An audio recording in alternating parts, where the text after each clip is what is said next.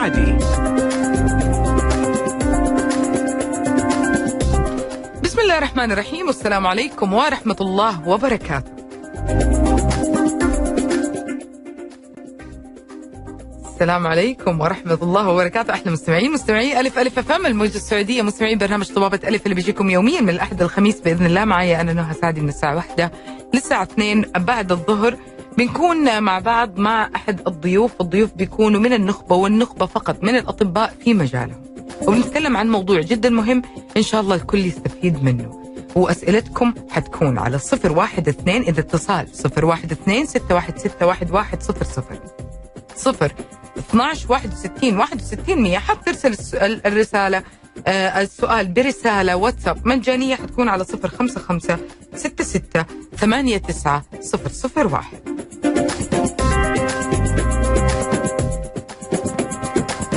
معك آيفون معك آيباد معك أي جهاز نظام iOS ادخل على متجر أبل أو Apple Store حمل تطبيق ألف ألف FM. معك جهاز نظام أندرويد ادخل على جوجل بلاي حمل نفس التطبيق فيسبوك تويتر إنستغرام قناة اليوتيوب. كلها على نفس الحساب ألف ألف FM سناب شات على ألف ألف FM live. اللي ما سمع الحلقة من أولها وحاب يحتفظ بالحلقة أو حاب كمان يكمل الحلقة زي ما يحب الحلقة حتكون بإذن الله موجودة على قناة ألف ألف FM على اليوتيوب خلال ساعات. واليوم معنا استشاري معالجة العقم المساعدة آه على الإنجاب وأطفال الأنابيب من مستشفيات الدكتور سليمان الحبيب. وموضوعنا اليوم جدا مهم لكن اليوم معنا الدكتور أحمد شايب. أول شيء نرحب فيك دكتور أحمد. يا أهلا وسهلا بكم وبجميع الأخوة والأخوات المستمعين. السلام عليكم. وعليكم السلام. الله يسعدك يا رب وإن شاء الله مساك سعيد وصباحك سعيد وكل أيامك سعادة يا رب. حقيقي الدكتور أحمد كان حريص جدا يا جماعة الخير إنه يختار لكم موضوع يكون جدا شيق وفي نفس الوقت جدا مفيد توعوي وقائي وكمان يعني سبحان الله آه تستفيدوا منه في نقاط معينة طبية آه وأسئلتكم كلها بإذن الله مجابة. اليوم حنتكلم عن تأثير نمط الحياة على الخصوبة عند الجنسين. اليوم حنتكلم عن الذكور والإناث على حد سواء وكيف نمط حياتك بيأثر على الخصوبة. آه دكتور أحمد خلينا أول حاجة يعني نعرفهم على ال ال الخصوبة. إيش يستفيدوا أساسا إنه الشخص يكون الخصوبة عنده تكون في مكان أو في في في مرحلة أو آه زي ما بيقولوا المكان الصحيح؟ نعم نعم. شكرا. أختي آه بالبداية أنا راح أحب أعرف إيش نقصد بتأخر الإنجاب أو بضعف الخصوبة.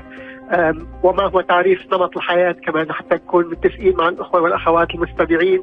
آه نكون عم نتكلم عن نفس الموضوع فما هو تأخر الإنجاب؟ في تعابير مختلفة بنستخدمها في بعض الأحيان اللي هي تأخر الإنجاب، تأخر مثلا الصعوبه العقم، صعوبة الإنجاب إلى آخره. فنحن وقت اللي بيكونوا الزوجين بده يحاولوا آه للإنجاب آه ننظر إيش هو اللي بيحصل في المجتمع بشكل عام وقديش بتاخذ في المتوسط معظم الأزواج حتى يحققوا حمل. لأنه إذا بنعرف ما هو الطبيعي ساعتها بنحسن نعرف ما هو غير الطبيعي. آه إمتى المفروض انه الزوجين يبدوا يقلقوا عن موضوع تأخر الانجاب يا ترى بعد شهرين ثلاثة بعد سنة بعد سنتين؟ قديش هو الفترة طبيا علميا وليس اجتماعيا؟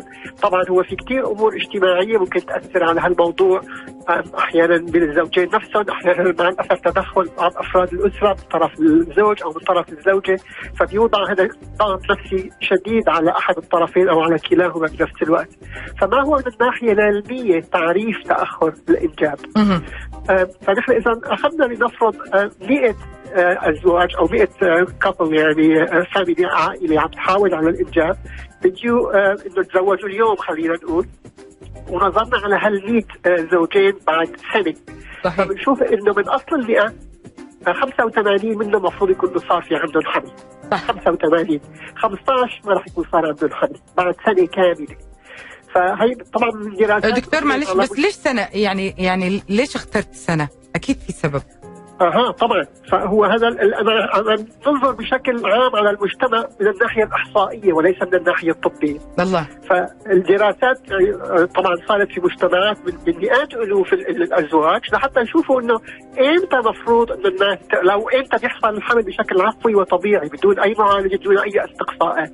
فشافوا بأنه هالأعداد عم تزداد شهر بعد شهر بدون أي علاج وقد تأخذ بعض الأزواج بالصدفة فقط بالصدفة فترة أطول لحصول الحمل فإذا كان الزوجين عندهم صبر ممكن ينتظروا لهالفتره هي فالدراسات كملت طلعت كمان فترة أطول. يا ترى إذا انتظرنا أكثر من هيك على السنة الثانية بعد السنة الأولى. نحن قلنا 85 رح يحملوا في أول سنة. ال 15 اللي ما حملوا نصفهم رح يحصل عندهم حمل في السنة الثانية. ففي نهاية السنتين 85 زائد نصف ال 15 إذا عم يتابعونا المستمعين فبنحصل إلى 92 من المية اللي بدينا فيه بعد سنتين حصل عندهم حمل فهذا بيدلنا على إن في بعض الأزواج ما عندهم أي مشكلة صحية ابدا على الإطلاق رح يحصل عندهم حمل ولكن الأمر قد يتطلب بعض الوقت. قد يتطلب الصبر والانتظار. وهذا الشيء اللي بصراحة في بعض مجتمعاتنا هو نحن بنشوفه إنه غير مقبول الانتظار إنه بعد شهرين ثلاثة إذا كان بعد حمل أو زواج بيلجأوا إلى الطبيب وبيلجأوا إلى المعالجات والاستقصاءات صح. طبعا بعد شوي رح نقول إنه يا ترى هذا الشيء مبرر أو غير مبرر؟ وإيش هي الحالات المفروض إنه نعمل استقصاءات فيها بشكل أبكر؟ الله دكتور بس والله جاء في بالي سؤال لأنه الموضوع جدا ممتع بس يعني في سؤال أنا حابة بس أطمنهم عليه. هل من أي من هذه المواضيع التوتر في تأخير الإنجاب يعني لتأخر الإنجاب هل ممكن يأثر على ال ال ال عملية الإنجاب أو سرعتها؟ هذا سؤال جدا جدا ممتع ومفيد ومهم في الحقيقة. الستريس أو الضغط النفسي عامل جدا مهم في الحمل والإنجاب عند الطرفين عند الزوج وعند الزوجة. والحقيقة نحن بنصير في موقع اللي هو بتحكي تقولي حلقة مفرغة يا اخدوها كيف يعني حلقة مفرغة؟ يعني نحن تاخر الإنجاب بيسبب ضغط نفسي عند الزوجين. الضغط النفسي بيأثر على العلاقة بين الزوجين سواء من الناحية النفسية سواء على الزواج بحد ذاته بيضع بعض العلاقات تحت ضغط شديد وقد في حالات شديدة حتى يؤدي إلى آه، لا سمح الله يعني الزوجين يصير خلافات بيناتهم وقد تنتهي بالتاثير على العلاقة أو على الزوجين يتركوا العلاقه أو ينتهي بالأمر بانتهاء الزواج مع الأسف. فهذا الشيء تاثيره النفسي الشديد على العلاقة قد يؤثر على تواتر العلاقة الزوجية بين الزوجين، قد يؤثر على الموده بين الزوجين وهذا بيأثر على الإنجاب والحمل وإمكانيات حصول الحمل. وهذا يؤدي إلى stress أكثر وضغط نفسي أكثر فبتدور بها الحلقة وبتدور. فنحن بدينا بال stress سبب الستريس تأخر الحمل، تأخر الحمل سبب أكثر ستريس أكثر وهكذا وهكذا. فالمفروض نحن في كثير من الحالات اللي بيجي نشوف آه بشوف الأزواج جايين على عيادتي أحيانا بعد أربع خمس شهور من الزواج وبيقولوا لي انه ما حصل حمل. من ثلاثة شهور والله كمان دكتور يعني بيبدأوا. آه طبعا طبعا طبعا. والله يعني في زوجين إجوني من أسبوع تقريبا آه، حتى بدوا يحاولوا الحمل بالثلاث أسابيع بس ما صار حمل فكانوا كثير متضايقين ليش ما صار حمل. طبعا هي حالات يعني جدا اكستريم آه، زي بتقول يعني آه، غريبة شوي. ولكن في هيك حالات الشيء الوحيد اللي بتقوله إنه بتطمن الزوجين بتطمنهم على نفسهم بان كل شيء طبيعي إن شاء الله رح يصير حمل. مثل ما قلنا قد تأخذ عدة أشهر بدون أي مشكلة صحية. وممكن إنه بس طمأنة وبسماع المعلومات وهالإحصاءات من الطبيب الزوجين ممكن يطمنوا ويعيشوا حياتهم وإن شاء الله يحصل حمل بدون أي حاجة. بإذن الله. جميل. يعني يا جماعة الخير ولو كان في مشكلة هذا إحنا بنتكلم في حال ان الحالة الصحية طيبه وكل شيء تمام لكن لو في حال في مشكلة برضه ما نهلع لأنه حتتحل بإذن الله هذه المشكلة وبعد كده حمل صحيح حمل سليم في آه، في الوقت سبحان الله المناسب. حنطلع أول فواصلنا ولا تنسوا رسائلكم أسئلتكم يعني استغلوا الدكتور أحمد اليوم. أنا أقول لكم استغلوه في كل الأسئلة على 055 66 89 00 واحد. خليكم على السماع.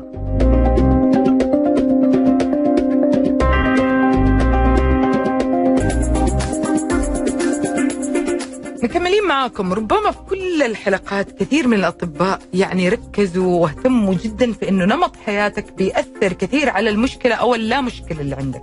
يعني نمط الحياة أساسي أنه يكون معتدل بقدر الإمكان. أكيد أنه يكون صحي وأكيد يكون رائع وأكيد أنه يكون من الناحية النفسية والناحية كمان الجسدية الصحية.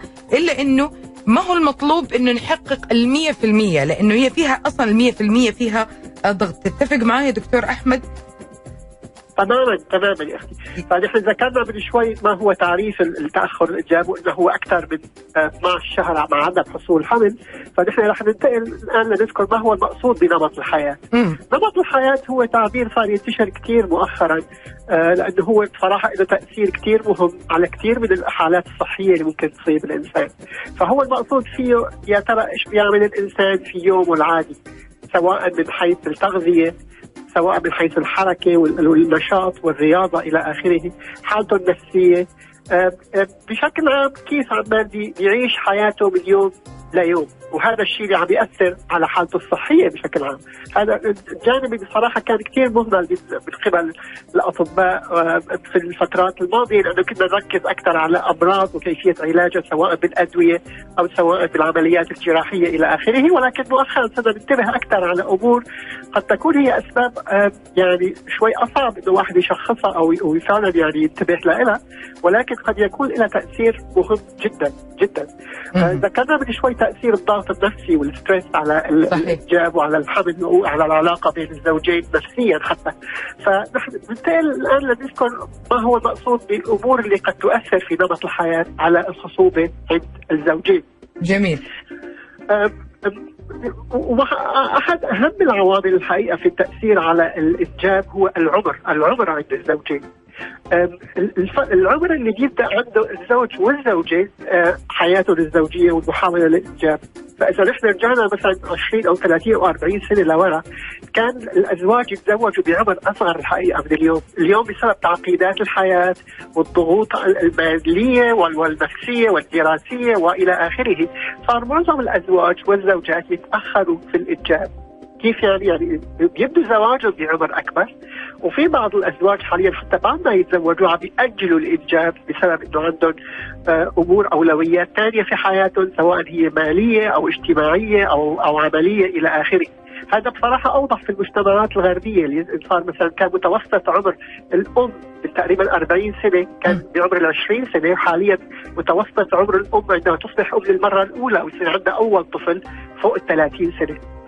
فتأثير العمر على إمكانية حصول الإنجاب شيء مهم جدا جدا جدا. هو أهم عامل من جميع عوامل الحياة اللي رح نذكرها اليوم. تقدم العمر يؤثر على امكانات حصول الحمل سواء بشكل عفوي وطبيعي أو سواء حتى بعد محاولات بالمعالجة بأطفال الأنابيب أو بالتحريض والاباضه أو أو إلى آخره. أه وقت اللي بنذكر نحن العمر بتبادر لذهننا فورا انه نحن عم نتكلم عن الزوجة فقط. وهذا الشيء الواضح والمعروف عند معظم الناس اللي بيعرفوا إنه بس تقدم العمر في الزوجة بتصير امكانات الزو... احتمال حصول الحمل أقل وهذا شيء يعني معروف وواضح بسبب وجود آه، عمر عند السيدات اللي تنقطع عند الدورة الشهرية وتنقطع معه الإمكانيات حصول الحمل والإباضة إلى آخره. الشيء اللي ما كان كثير واضح في الماضي هو تأثير عمر الزوج أيضا على حصول الحمل وامكانات الإنجاب.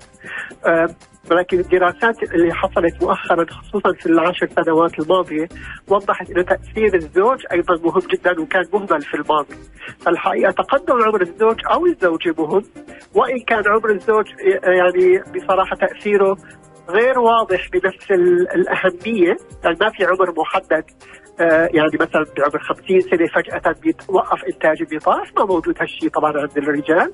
ولكن نوعية اللطاف اللي هي مسؤولة عن تلقيح البيوض لحصول الحمل تبدأ بالتناقص بعد سن ال 40 سنة وتبدأ بالتناقص بشكل أشد بعد ال 50 سنه فوإن كان ما في الحافة التي تنقطع عندها الخصوبة عند الرجال بشكل حاد وبشكل مفاجئ مثل عند السيدات عند انقطاع الدورة الشهرية ولكن عمر الزوج مهم بشكل شديد جدا.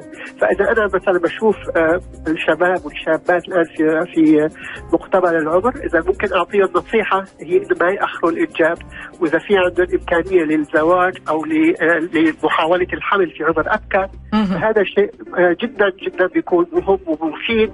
وفي كثيرين اللي عم يأجلوا الإنجاب بجوز يظنوا بأنه ممكن بأي فتره عمر بيحبوا إنه يصير في عندهم طفل الأمر حيكون سهل وإذا ما حصل إنجاب في معالجات ممكن تساعدهم، صحيح في معالجات ممكن تساعدهم ولكن إلى حد في يعني طبعا حدود لما ممكن نفعله حتى بأطفال الأنابيب.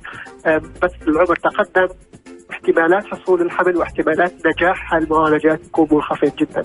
فالعمر الأمثل لحصول الحمل عند السيدات هو ما بين ال 19 وال 29 طبعا يعني هذا لا يعني انه بعد 29 احتمالات تصير ضئيلة ولكن احتمالات حصول الحمل والمحافظة على الحمل وحصول على طفل صحيح سليم مع تقدم العمر تصير أقل. فنحن طبعا وقت بنذكر حصول الحمل ما هو هدفنا فقط حصول الحمل مع تقدم العمر احتمالات الإسقاط بتصير أكبر، يعني ممكن السيده إنه تحمل ولكن بعد ما يحصل حمل شهر شهرين الجنين يسقط وما يكمل الحمل. فمو ما نحن بدنا يحصل حمل وخلص وحققنا هدفنا نحن هدفنا يكون في عند الزوجين طفل بعد تسع شهور من الحمل ويكون طفل صحيح سليم.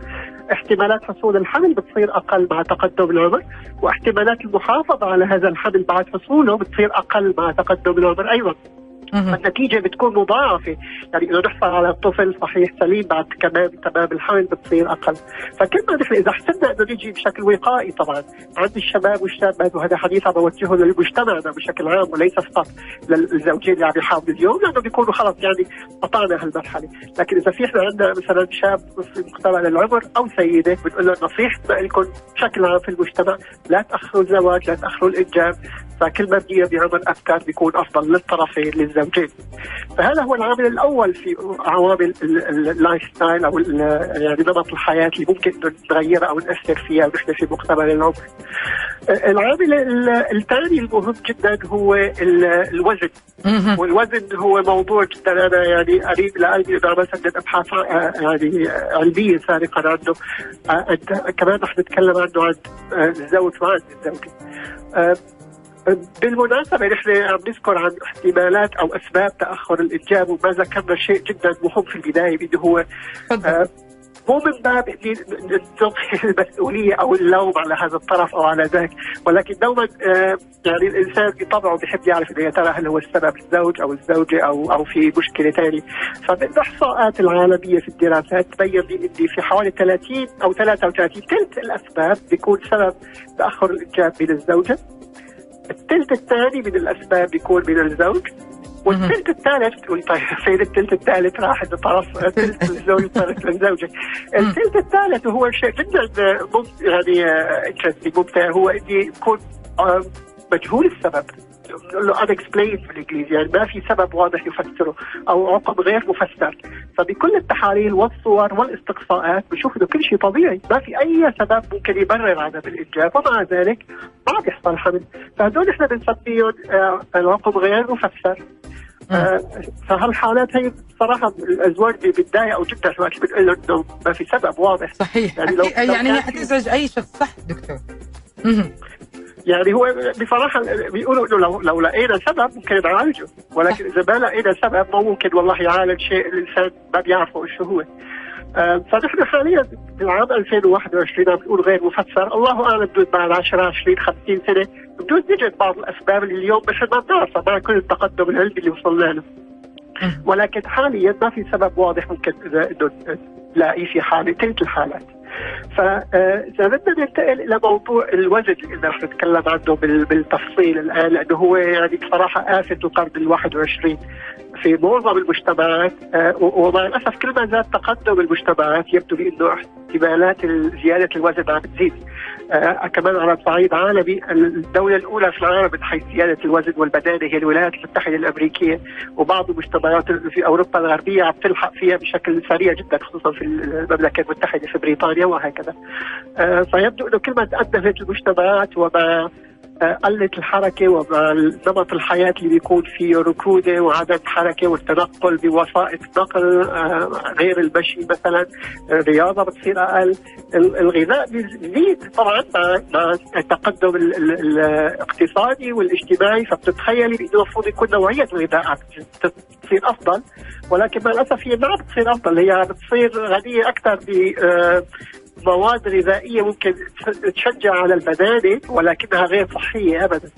فليش زيادة الوزن ممكن تأثر على الانجاب؟ خلينا نبدأ مثلا عند الزوجة في البداية.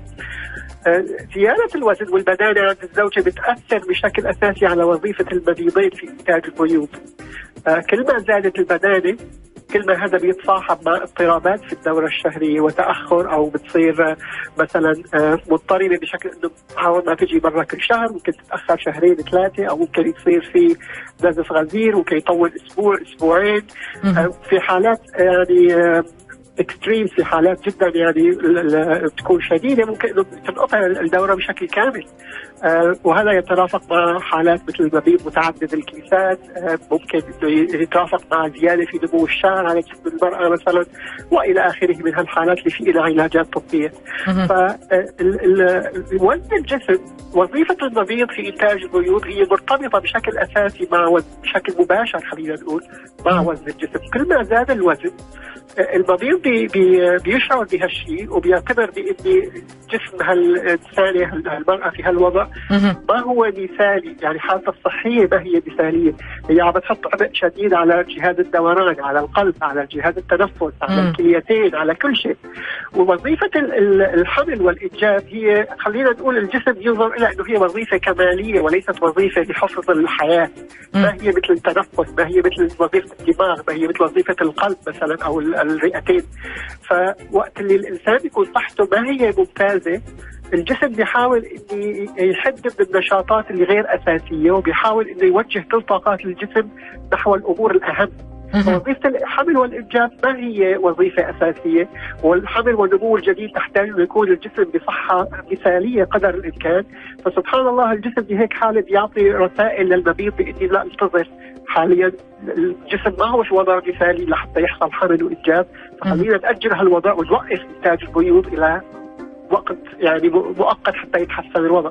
وهذا الشيء كمان هل بيتم متابعة دكتور إلى إلى أن يكون مثلا هذا الوقت مناسب أو لا؟ يعني هو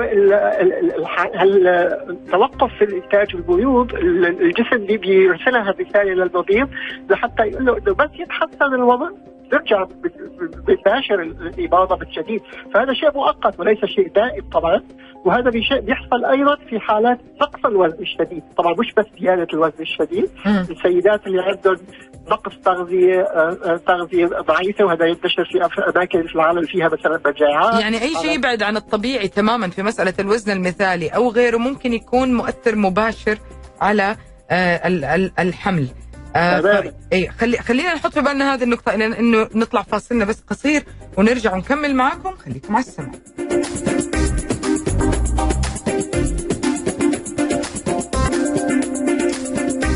تأثير نمط الحياة على الخصوبة آه عند الجنسين مع الدكتور أحمد الشايب استشاري معالجة العقم والمساعدة على الإنجاب وأطفال الأنابيب وبنتكلم اليوم عن هذا التأثير آه ونستكمل دكتور أحمد كنا بنتكلم إنه أي زيادة أو أي نقصان يعني أو أي خلينا نقول تغير واختلاف يكون في نمط الحياة سبحان الله زي الوزن آه، ممكن يكون عامل في تأخر الإنجاب. تماما تماما أختي. فكمان آه، ذكرنا تأثير زيادة الوزن على وظيفة الإباضة وإنتاج البيوض عند السيدات فحتى نكمل نفس الموضوع. الحقيقة تأثير زيادة الوزن عند الذكور أيضا له تأثير واضح آه، وصريح على إنتاج البطاس وعلى الخصوبه الذكرية أيضا. وهذا الموضوع اللي آه، بدي نعرف عنه أكثر الحقيقة في غضون العشر سنوات الماضية، أيضا البدانه عند الرجال تؤدي إلى نقص الخصوبة، تؤدي إلى نقص نوعية البطاف، تؤدي إلى نقص آه، امكانات حصول الحمل، فحتى يكون الحديث متوازن ما هو الموضوع مقصور على السيدات فقط هو أيضا بيأثر على الرجال أيضا فإذا نحن عندنا زوج بديل عنده زيادة في الوزن نحن بننصحه إنه ينزل وزنه وهذا راح يأثر ويفيد في خصوبته ويحسن احتمالات الحمل عندهم كزوجين. طبعا هذا التأثير الوزن جدا مهم من آه، ناحية الزوج أو الزوجين إذا شفنا زوجين جايين لعندنا وعندهم مشكلة بدانه بننصحهم إنه في البداية يحسنوا نمط حياتهم وينزلوا وزنهم وهذا راح يحسن فرص إنجاب عندهم. طب إذا انتقلنا للعوامل الأخرى في نمط الحياة مش بس في البدانه، إحنا عندنا في أمور ثانية كثير ممكن الزوجين يكونوا غير ما ينتبهوا الحقيقة تاثر على خصوبتهم وهن ما يعرفوا هالشيء. آه شيء مهم جدا هو التغذية ونوعية الطعام والغذاء اللي الزوجين عمال بياخذوه. آه مع الأسف في كثير عادات غذائية عم تنتشر في مجتمعاتنا مؤخرا يعني نحن من غير ما ننتبه لها ممكن عم نقلد بعض المجتمعات الغربية الوجبات الغذاء السريعة اللي الانسان بياخذها في بعض مطاعم الوجبات السريعة وهي الحقيقة فيها كثير من الإضافات الغذائية اللي بتأثر على الخصوبة والإنجاب وإنتاج البيوض والقطاف من غير ما نعرف هالشيء. آه الإنجاب مو بس هو نوعية البيوض ونوعية القطاف كمان في أمور ثانية ممكن يكون الأبحاث العلميه في فيها ما هي كثير آه واضحة حاليا لكن أمور مثل نوعية بطانة الرحم هل يا ترى الرحم بيعطي البيئة المناسبة للسماح للبيضه حتى بعد ما تتلقح بانها تعشش بشكل مناسب ويحصل الحمل ولا لا؟ فهالاضافات الغذائية اللي هي عم تنتشر بشكل كثير في كثير من الأغذية من غير ما نعرف فيها نقص الفيتامينات والعناصر المعدنيه النادرة في الغذاء اللي هي بتكون موجودة أكثر في الاغذيه الصحية. فنحن إذا كان في عندنا زوجين كمان عندهم تأخر في الإنجاب. بالإضافة إلى أنه نعمل وزنهم مثالي قدر الإمكان. بننصح إنه ياخذوا غذاء متنوع قدر الإمكان وفي قدر الإمكان الأمور اللي هي تكون من الفواكه الطازجة والخضار الطازجة وال والحبوب ومثلا الخبز الاسمر اللي بيكون هو اللي بنسميه هول جرين بالإنجليزي كمان. هي الأمور جدا جدا غنية بعناصر متعددة وفيتامينات ومعادن. جدا مهمه لنوعيه اللطاف ونوعية البيوض ولتحسين الخصوبه. آه طبعا في كثير آه مكملات غذائية موجودة في الصيدليات وفيها عناصر معدنيه وفيها فيتامينات متعددة. يعني لكن لكن لابد إنها تكون متوافقة مع النقص يعني لأنه هذه ربما كمان حتى زيادتها تضر دكتور صح؟ طبعا تماما تماما تماما فأنا اللي بنصح فيه المرضى اللي بيجوني على العياده وبيسألوني عن أخذ هالأدوية هي بقول إنه الغذاء هو خير من الدواء. يعني إذا بنحصل على هالفيتامينات وهالمعادن من مصادر غذائية طبيعية آه بيكون أفضل بكثير ما اني أخذ والله حبة دواء وإن كان الناس قد تستسهل إنه والله باخذ حبة دواء وحبتين في اليوم وبعدها باكل اللي أنا بريده ما في داعي أقلق ابدا. ما هو يعني هو طبعا كل شيء بنشوف إنه في له حل سهل بيكون هو هذا الطريق الأصعب. دوما الطريق الأصعب هو اللي بيكون الصح يعني الإنسان ولو كان شافه إنه هو ممكن يتعذب فيه أكثر ولكن هو هذا بيكون الطريق الأسلم والأفضل. مثل ما تفضلتي تماما الإفراط في بعض الفيتامينات وهالمعادن قد يكون له تأثيرات سلبية أيضا. فما انه والله إذا شيء مفيد إذا أكثرت منه راح يكون مفيد أكثر. لا ما دوما هالكلام بيكون دقيق وصحيح. المفروض إنه إني آخذ غذاء متوازن متكامل ويكون هذا كجزء من نمط حياة طبيعي صحيح. طبعا البدانه هي مش بس زيادة في أكل السعرات الحرارية والحرارات في اليوم مثل ما جميع المستمعين بيعرفوا الوزن وزن الجسم هو عبارة عن توازن بين شيئين بين هو قديش كالوريز أنا أو حريات سعرات حرارية الإنسان عم ياخذ في اليوم نعم. وقديش عمال بيحرق أو عم يستهلك في اليوم كمان صحيح. فهو مثل الميزان قديش عم نحط من طرف وقديش عم نحرق من الطرف الثاني والحقيقة إنه في مواقع جدا كثير رائعة جدا وحسبتها أقرب للدقة بالنسبة لحط الوزن وال والعمر والطول والحاجات هذه كلها وتطلع احتياجات الشخص وتطلع احتياجاته كمان. آه لو كان في بصدد فقدان آه بعض الوزن والطريقة الصحية والنصائح كمان. تماما تماما. فيعني طبعا هو الأشخاص اللي عندهم زيادة في الوزن بيقولوا لنا كثير في العياده أنا بسمعه كثير من المرضى بيقولوا والله أنا عم بحاول أنزل وزني بس ما عم ينزل وزني. وقت اللي بنحاول ندقق أكثر بقصتهم ناخذ لهم فود دايري مثلا بنسميها مثل مفكرة للطعام اللي عم بياخذوه في اليوم.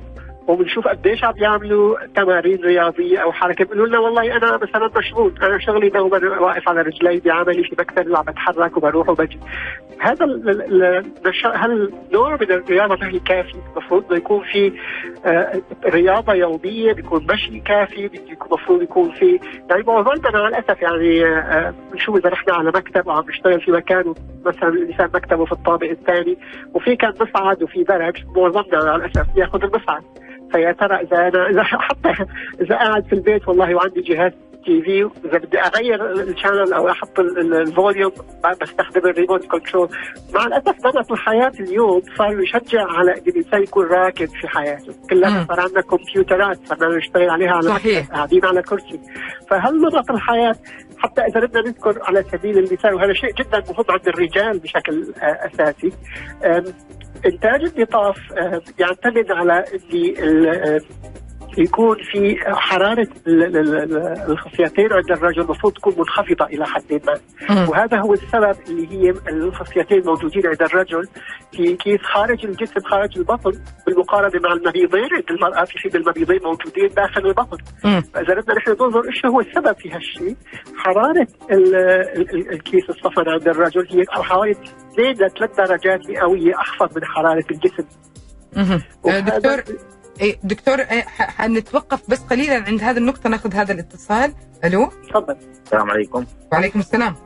مساء الخير والله يعطيكم العافية وأشكر الدكتور على الحضور الله يعطيكم الله يسعدك يا شكرا. تفضل تفضل بسؤالك. دكتور بالنسبة للدكتور نبغى الأكل أو سمعنا أن المانجا ينفع لل يعني يزيد الخصوبة وزي كذا فأبغى يفيدنا في الأكل.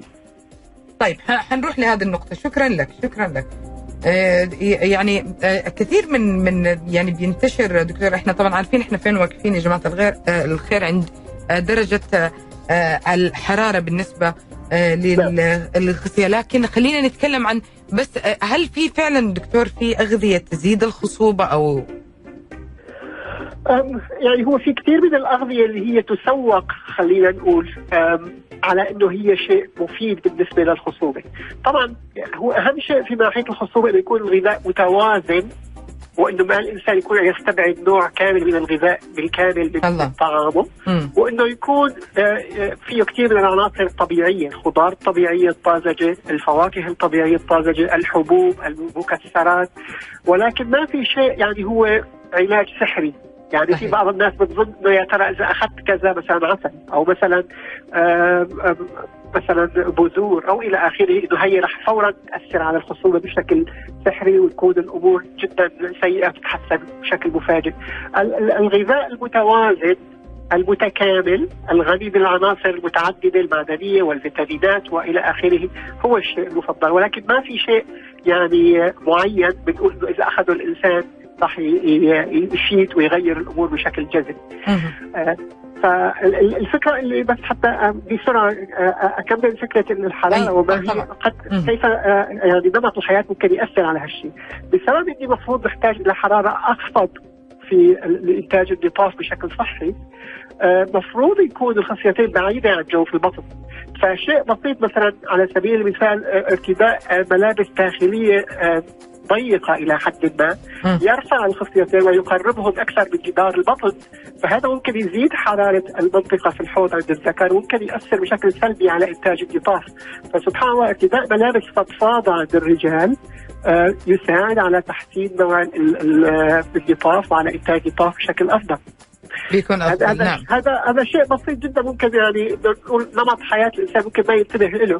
شيء آخر ممكن جدا يكون مهم في هالعمر هو استخدام آه، في هالزمن قصدي عفوا هو استخدام شيء مثل اللابتوب اللي هي أجهزة الكمبيوتر المحمولة اللي يضع الإنسان على حوضه أو على منطقه الخصر يعني.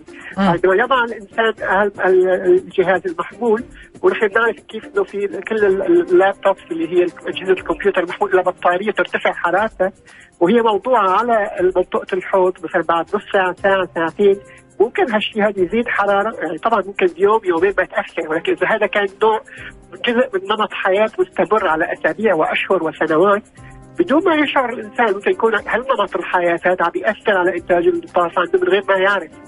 شيء جدا آخر بسيط وما في دراسات كافية عنده هي تأثير أجهزة التليفون المحمول الموبايل فون. موضوع موضوع جدا مهم وهذه هذه من المواضيع اللي يجي فيها أسئلة كثير ودائما بن بنواجه هذه الأسئلة وتلاقوها كثير مكتوبة لكن بعد الفاصل بإذن الله حنجاوب على هذا السؤال آه، مع الدكتور أحمد شايب خليكم على السماع.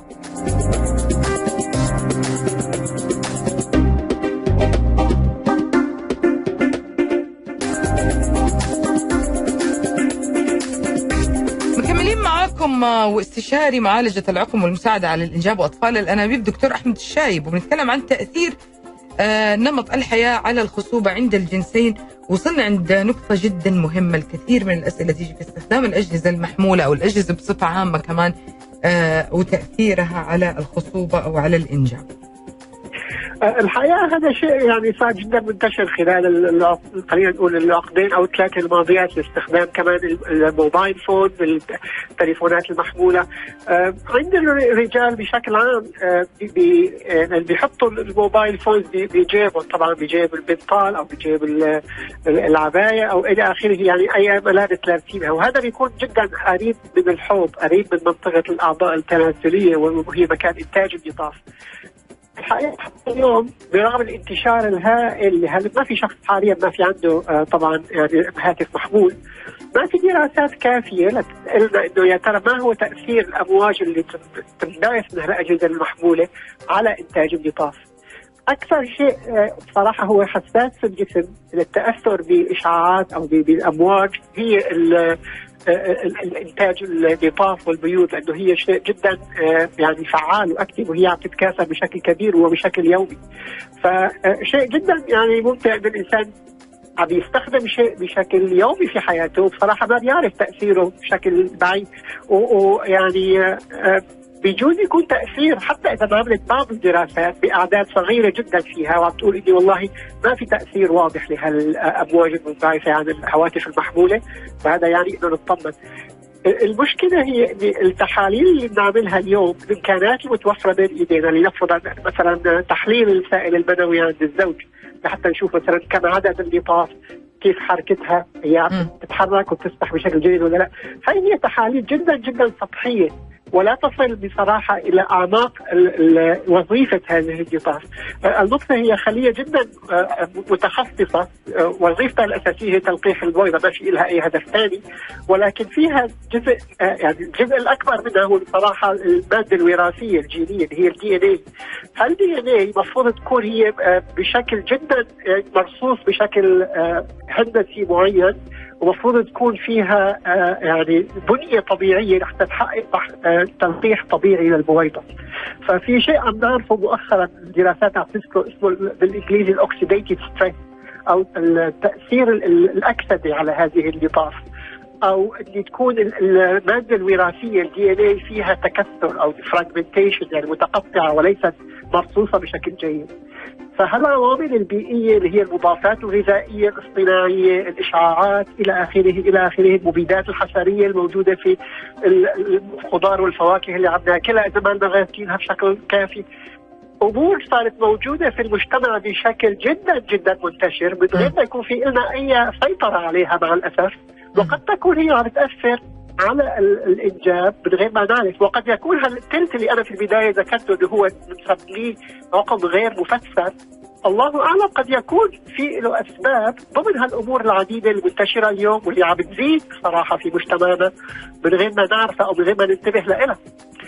فإذا كان نحن عندنا مثلا لنفرض وشيء هذا ممكن تحت سيطرة الإنسان، قد يكون تقول العمر والله ما ممكن نغيره، أنا مثلا تقدم فيني العمر كسيدة أو كرجل ما ممكن ارجع عقارب الساعة لورا طبعا، لكن إذا والله أنا كزوج ممكن إني اضع الهاتف المحمول في الجيب العلوي مثلا قريب من صدري وبدل ما أحطه مثلا قريب من منطقة الحوض، هذا شيء سهل جدا ممكن كل الناس تعمله بدون ما وإن كان ما في دراسات حتى أكون واضح وصريح، أنا ما في عندي دراسه حتى أقول لكم اليوم بإني والله تاثير اشعه ال- الأجهزة المحمولة تؤثر بشكل سلبي على الانجاب. ال- الجواب صحيح ما بعرف ما عندنا دراسات كافية. ولكن بعض الدراسات عم بتقول والله بإني ما مو واضح قد يكون وقد لا فإذا كان ممكن نحن نغير هالشيء يفضل إذا عندي أنا والله جهاز كمبيوتر محمول وعم بحس ان بطاريته عم ترتفع حرارته وأنا حاطه على حوضي معظم اليوم احطه على طاولة أمامي. هذا شيء. سهل جدا ممكن إني أغيره من غير ما أتعذب كثير وقد يكون له فائدة. إذا ممكن ألبس ملابس فضفاضة هذا بيكون جيد. إذا أنا ممكن ما أأجل الإنجاب وأستعجل قدر الامكان يكون جيد. ما ذكرنا تأثير التدخين كمان وهذا شيء جدا هام في نمط الحياة. التدخين يعني أنا بقول لطلاب كلية الطب اللي بدرسهم يعني آه، سابقا في في بريطانيا كده قال لهم إذا كان عندكم جاكم سؤال في امتحانكم على آه، اذكر لي أس- عامل من عوامل الخطورة لأي مرض في جسم الإنسان وإذا أعياكم الجواب وحطيتوا التدخين فأكيد رح يكون جوابكم صحيح. فهذا ليس الاستثناء في حالات العقم أيضا. فالتاثير على إنتاج النطاف عند الرجل وإنتاج البيوض عند المرأة. آه، تأثير واضح وصريح آه، إذا كان الذكر مدخن أو السيدة مدخنة المفروض نقول لهم توقفوا عن التدخين. ما بنقول لهم إنه نقصوا على السجاير اللي عم يدخنوها في اليوم هذا مو كافي. المفروض انهم يوقفوا بشكل كامل. والتدخين بالمناسبة هو نحن نقصد فيه ال passive ال active يعني سواء كان الإنسان مدخن سلبي أو مدخن بحد ذاته. يعني إذا كنت أنا والله عندي زميل في العمل مدخن بشكل مستمر وقاعد جنبه كل كل اليوم. فأنا عمال باخذ ميبي تقريبا نصف السجاير اللي عم يدخنها أو اللي عم يدخنها بدون ما أشعر يعني. آه فالتدخين المفروض يتوقف بشكل كامل آه وعند الزوج والزوجة. وهذا المفروض إن شاء الله يكون له تأثير جيد. يحسن لهم صحتهم بشكل عام. طبعا تأثيره على جهاز الدوران على ارتفاع الضغط على جهاز التنفس على على إلى آخره. وتأثيره على الإنجاب والخصوبة رح يكون كمان من الفوائد لجدياتها المناسبة. بالنسبة لشيء آخر في عوامل نمط الحياة اللي قد يكون كثير من الأزواج ما منتبهين لها هي بعض الأدوية اللي ممكن ياخذوها واللي هي ممكن بدهم يشتروها من أي صيدلية بدون وصفة طبية حتى. نعم. آه بدون ما ينتبهوا بأنه هي ممكن تأثر بشكل سلبي على الخصوبة. اعطيك أحد الأمثلة مثلا آه الأدوية المضادة للالتهاب مثل الآيبوبروفين البروفين. هالادويه هي لمسكنات الم بصراحة. اللي بيأخذوها الأشخاص اللي عندهم آه، رشح أو زكام أو أو حتى الام في المفاصل. هي بتوقف ممكن تأثر على الإباضة. يعني من غير ما تشعر الزوجة إذا عم تاخذها كل شهر ممكن إني توقف لها الاباضه وتأثر على الإنجاب من غير ما تعرف هالشيء.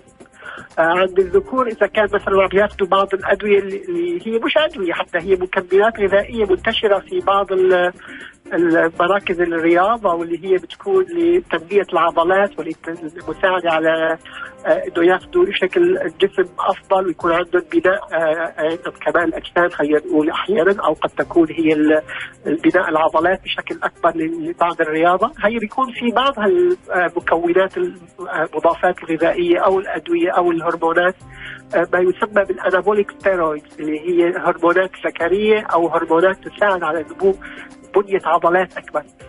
هي بجوز الرجل اللي يشعر صار شكل جسمه انه فيه رجولة وقوة أكبر وعضلات أكثر. ولكن شيء جدا آه، آه، مهم إنه يعرفوا إنه هذا بيأثر بشكل سلبي على إنتاج النطاف صحيح. ممكن يوقف لهم إنتاج النطاف بشكل كامل وإن كانوا شاعرين انه جسمهم صار شكله فيه آه، يعني عضلات أكثر وشكل رجولي أكثر. فبننصحوا بهالحالة يتوقفوا عن أخذ هالأدوية بشكل كامل. نصيحة أخيرة دكتور أحمد عشان يعني إحنا قدامنا دقيقتين لنهاية الحلقة.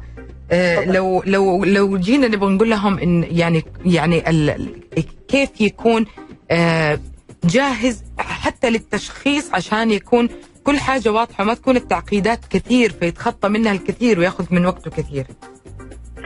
هو المفروض ان يعني الزوجين في البداية يكونوا عايشين حياتهم بشكل طبيعي، قدر الامكان يحاولوا يخففوا الضغط النفسي عليهم. ناحية بسيطة جدا ما ذكرناها هي موضوع تواتر العلاقة الزوجية، نحن ننصح يكون هالأمر عم يحصل ما بين مرتين لثلاث مرات في الأسبوع. لا أقل ولا أكثر. هذا هو الرقم الأفضل بصراحة. كمان هذا شيء مهم. يعني في كثير حالات بيكون الزوج مثلا عم بغيب عن البيت بسبب عمل أو سفر أو إلى آخره هذا قد يؤثر. بيجونا مثلا يقول والله صار لنا ثلاث أشهر عم نحاول وما عم يحصل حمل. وقت بسال أكثر بتبين انه في غيابات. متقطعة ولكنها فترات أسبوع أو أسبوعين في كل مرحلة هذا شيء مهم أكثر. فيعني بشكل نمط الحياة إذا كان الزوجين بيحسنوا قدر الإمكان يعيشوا بشكل طبيعي غذاء طبيعي متوازن. آه، في آه، آه، تمارين رياضية يومية متكررة بشكل متوسط. طبعا الزائد اخذ ناقص مثل ما بنقول ما يزيدوها كثير وما يكون قاعدين طول اليوم بدون حركة. غذاء جيد تمارين رياضية مستمرة يكون في عنده قدر الامكان يخففوا الضغط النفسي عن حياتهم يعيشوا حياتهم بشكل طبيعي ومرتاح ومسترخي قدر الامكان تكون العلاقة الزوجية مرتين ثلاثة بالأسبوع. ما ياجلوا الحمل والإنجاب قدر الامكان يستعجلوا فيها إذا بيحسوا إذا وزنهم زايد يحاولوا ينزلوا وزنهم. ما يدخنوا ما يكونوا عم ياخذوا أي أدوية ثانية ممكن تأثر على الحمل والإنجاب. في بعض الأمور قد يقروا عن موضوع القهوة والشاي وإلى آخره. وهل يا ترى الكافيين ممكن يأثر بشكل إيجابي أو سلبي على الحمل والإنجاب؟ ما في دراسات كافية تقول إيجابي أو سلبي حتى اطمن الأزواج والزوجات. إنه ما في شيء ما في داعي إنه يتوقفوا أو يزيدوا الكمية. آه، طالما انهم بياخذوا مثلا فنجانين في اليوم مقبول وطبيعي ما في داعي يقلقوا عليها جميل. آه، وبشكل جد بالمختصر في آخر كلمة بقولها بإنه نحن أحيانا طمأنة الزوجين بإنه الصبر والانتظار وإنه يكون عندهم يعني أمل بالانتظار طالما إنه ما في شيء واضح يؤدي إلى القلق. آه، طبعا إذا كان عمر متقدم عند الزوجين طبعا ما بنصحهم والله بالانتظار سنة أو سنتين. خصوصا إذا الزوجة كانت فوق ال 35 سنة فساعتها إنه يشوف تشوفوا الطبيب كزوجين فتره ابكر آه، بعد ثلاث إلى ست أشهر. طبعا ما في مانع إذا أرادوا يتفائلوا يبدوا بعض الاستقصاءات. لكن غالبا نحن بنطمنهم يستمروا بالمحاوله وإن شاء الله رح تحصلوا على الذرية اللي بدهم إياها بدون أي بإذن الله. مشاكل. بإذن الله. الله يطعم الجميع ويرزقكم الذرية الصالحة بإذن الله. آه نرجع نقول يعني يمكن آه مختصر الكلام الزايد أخو الناقص آه ما في. حاجة نبالغ فيها وما في حاجة ننقصها تماما الحياة. المتوازنة أنت حتشعر بتوازن فيها آه فحيكون كل حاجة بإذن الله أقرب لأنه تتم معالجة المشاكل البسيطة أو إنه معرفة السبب تكون أسهل آه بالنسبة للأطباء. شكرا دكتور أحمد. تمام. يا أهلا وسهلا. يا أهلا وسهلا وشكرا لكم والسلام عليكم جميع الأخوة المستمعين. دكتور أحمد الشايب آه، استشاري آه، معالجة العقم والمساعدة على الإنجاب واطفال الأنابيب وكلمنا اليوم عن تأثير نمط الحياة واستفدنا كثير على الخصوبة عند الجنسين. شكرا لكم مستمعينا وخليكم دائما آه، متواصلين معنا كنت معكم نهى سعدي. هاله منصور من الإخراج على أمل يجدد لقائي فيكم الأحد القادم آه، بإذن الله في حلقة آه، جديدة من برنامج تيمبو الساعة 10 صباحا. فما الكريم وانتبهوا لبعض.